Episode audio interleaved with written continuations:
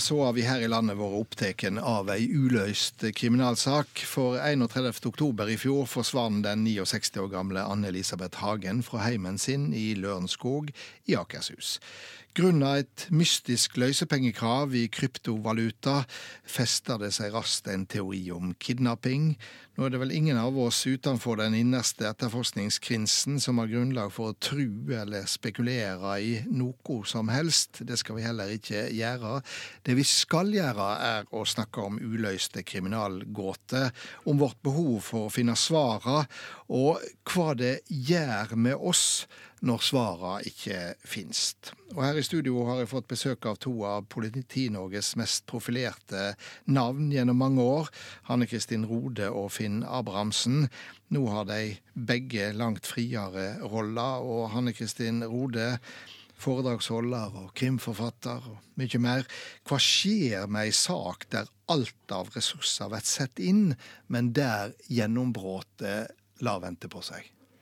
Det er veldig mange tannhjul som settes i bevegelse når man står overfor en stor kriminalsak. Og jeg husker fra min tid den følelsen jeg fikk når jeg så alle medarbeiderne på alle nivåer, alle profesjoner, bare gå på med kompetanse. De deler kompetanse.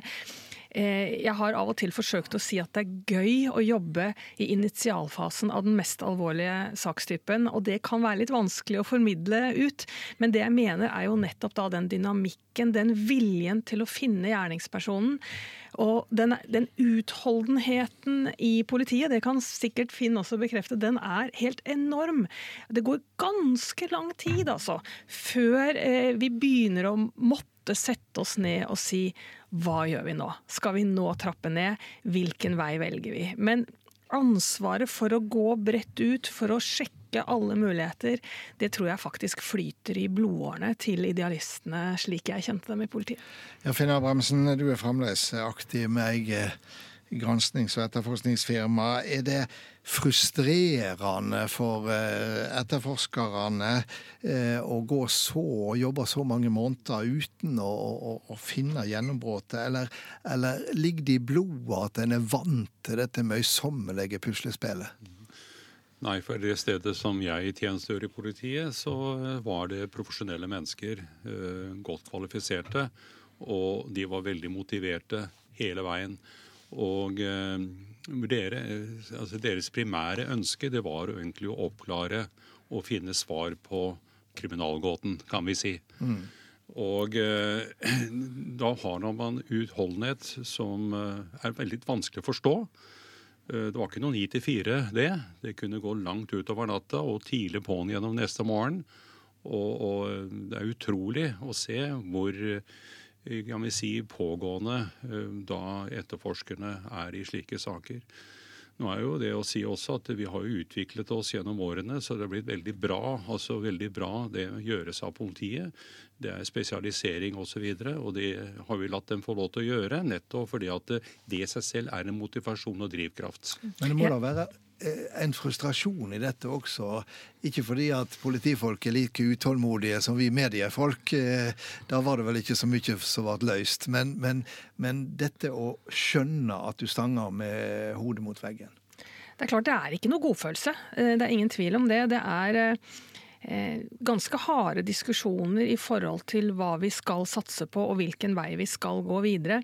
Men eh, det handler om en realitetsorientering. Det handler om at vi har et budsjett som skal overholdes i størst mulig grad. Vi får en pengesekk fra bevilgende myndigheter, og innenfor der så skal vi klare alt. Noe politiet ikke kan gjøre. De kan heller ikke trille. Men jeg opplever ikke at frustrasjonen var eh, gjennomgående. Det er mer det at det kommer kommer nye oppgaver som faktisk også drar oppmerksomheten i en ny retning når en sak begynner å stagnere. Så det er jo mennesker som jobber i politiet òg, på godt og vondt.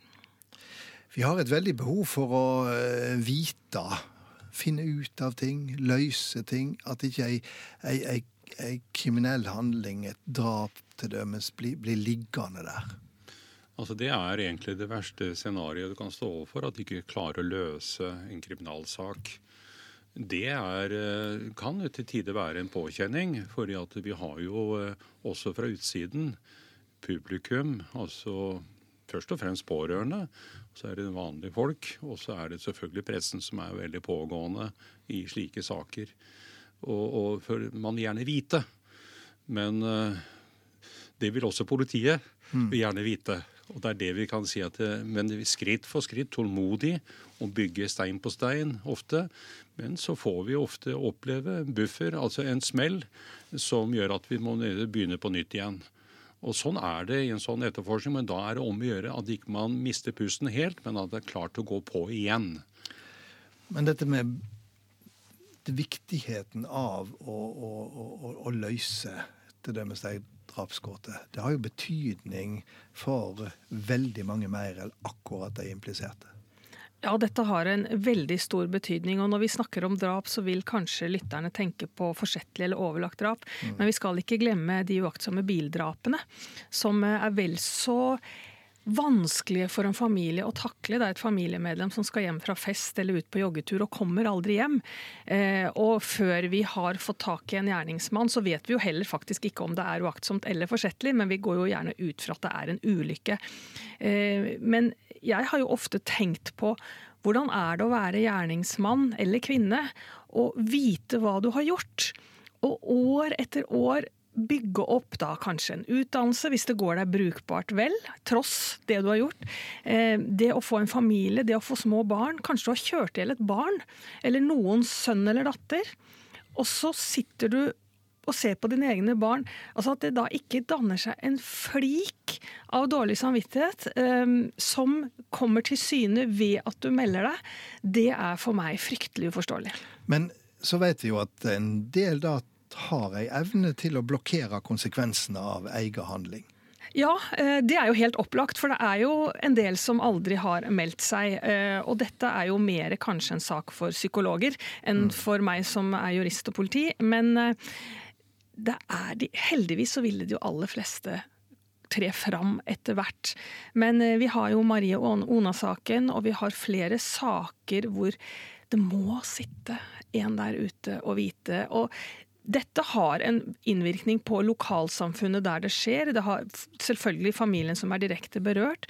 Men jeg vil også tro at det får ringvirkninger på frykt hvis det da f.eks. er et drap på en, et eldre menneske hjemme, eh, som kan virke ganske umotivert, har det vært et ran, er det hevn, er det noe som er sagt eller gjort? Altså, det er vanskelig for politiet å gå ut og skissere hva som kan være motivet bak handlingen. Eh, fordi det kan ødelegge etterforskningen, så skaper dette stor frykt, og det er noe vi ikke vil ha. Ja, for det Finn Abrahamsen, er jo helt reelt at eh, de uløste alvorlige kriminalsakene. Det skaper frykt for at eh, noe er ute av kontroll, noe kan ramme akkurat deg i neste omgang. Ja, Det var vi veldig oppmerksom på, iallfall min tid, og jeg vet at politiet fremdeles er det. Det som vi da etter hvert da utviklet og gjorde, det var at vi hadde samling av beboere i, grendelaget eller i noe tilsvarende og samlet og prøvde å informere eh, beboerne på en jevnlig måte for å roe ned situasjonen. Eh, for det er veldig spekulativt fra eh, folk flest hva som kan ha skjedd. Og folk er engstelige og redde, for det kan tenkes at er jeg den neste, ikke sant, og sånne ting. Så det er folk har mye tanker rundt dette her.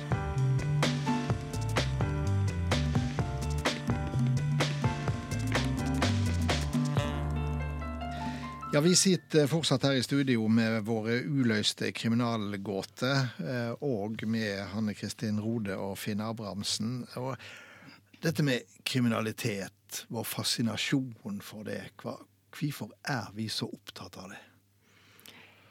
Ja, Det er et eh, godt spørsmål. Hvis vi skal strekke det spørsmålet helt ned til kriminallitteraturen, så tror jeg det handler om at folk liker å løse gåter.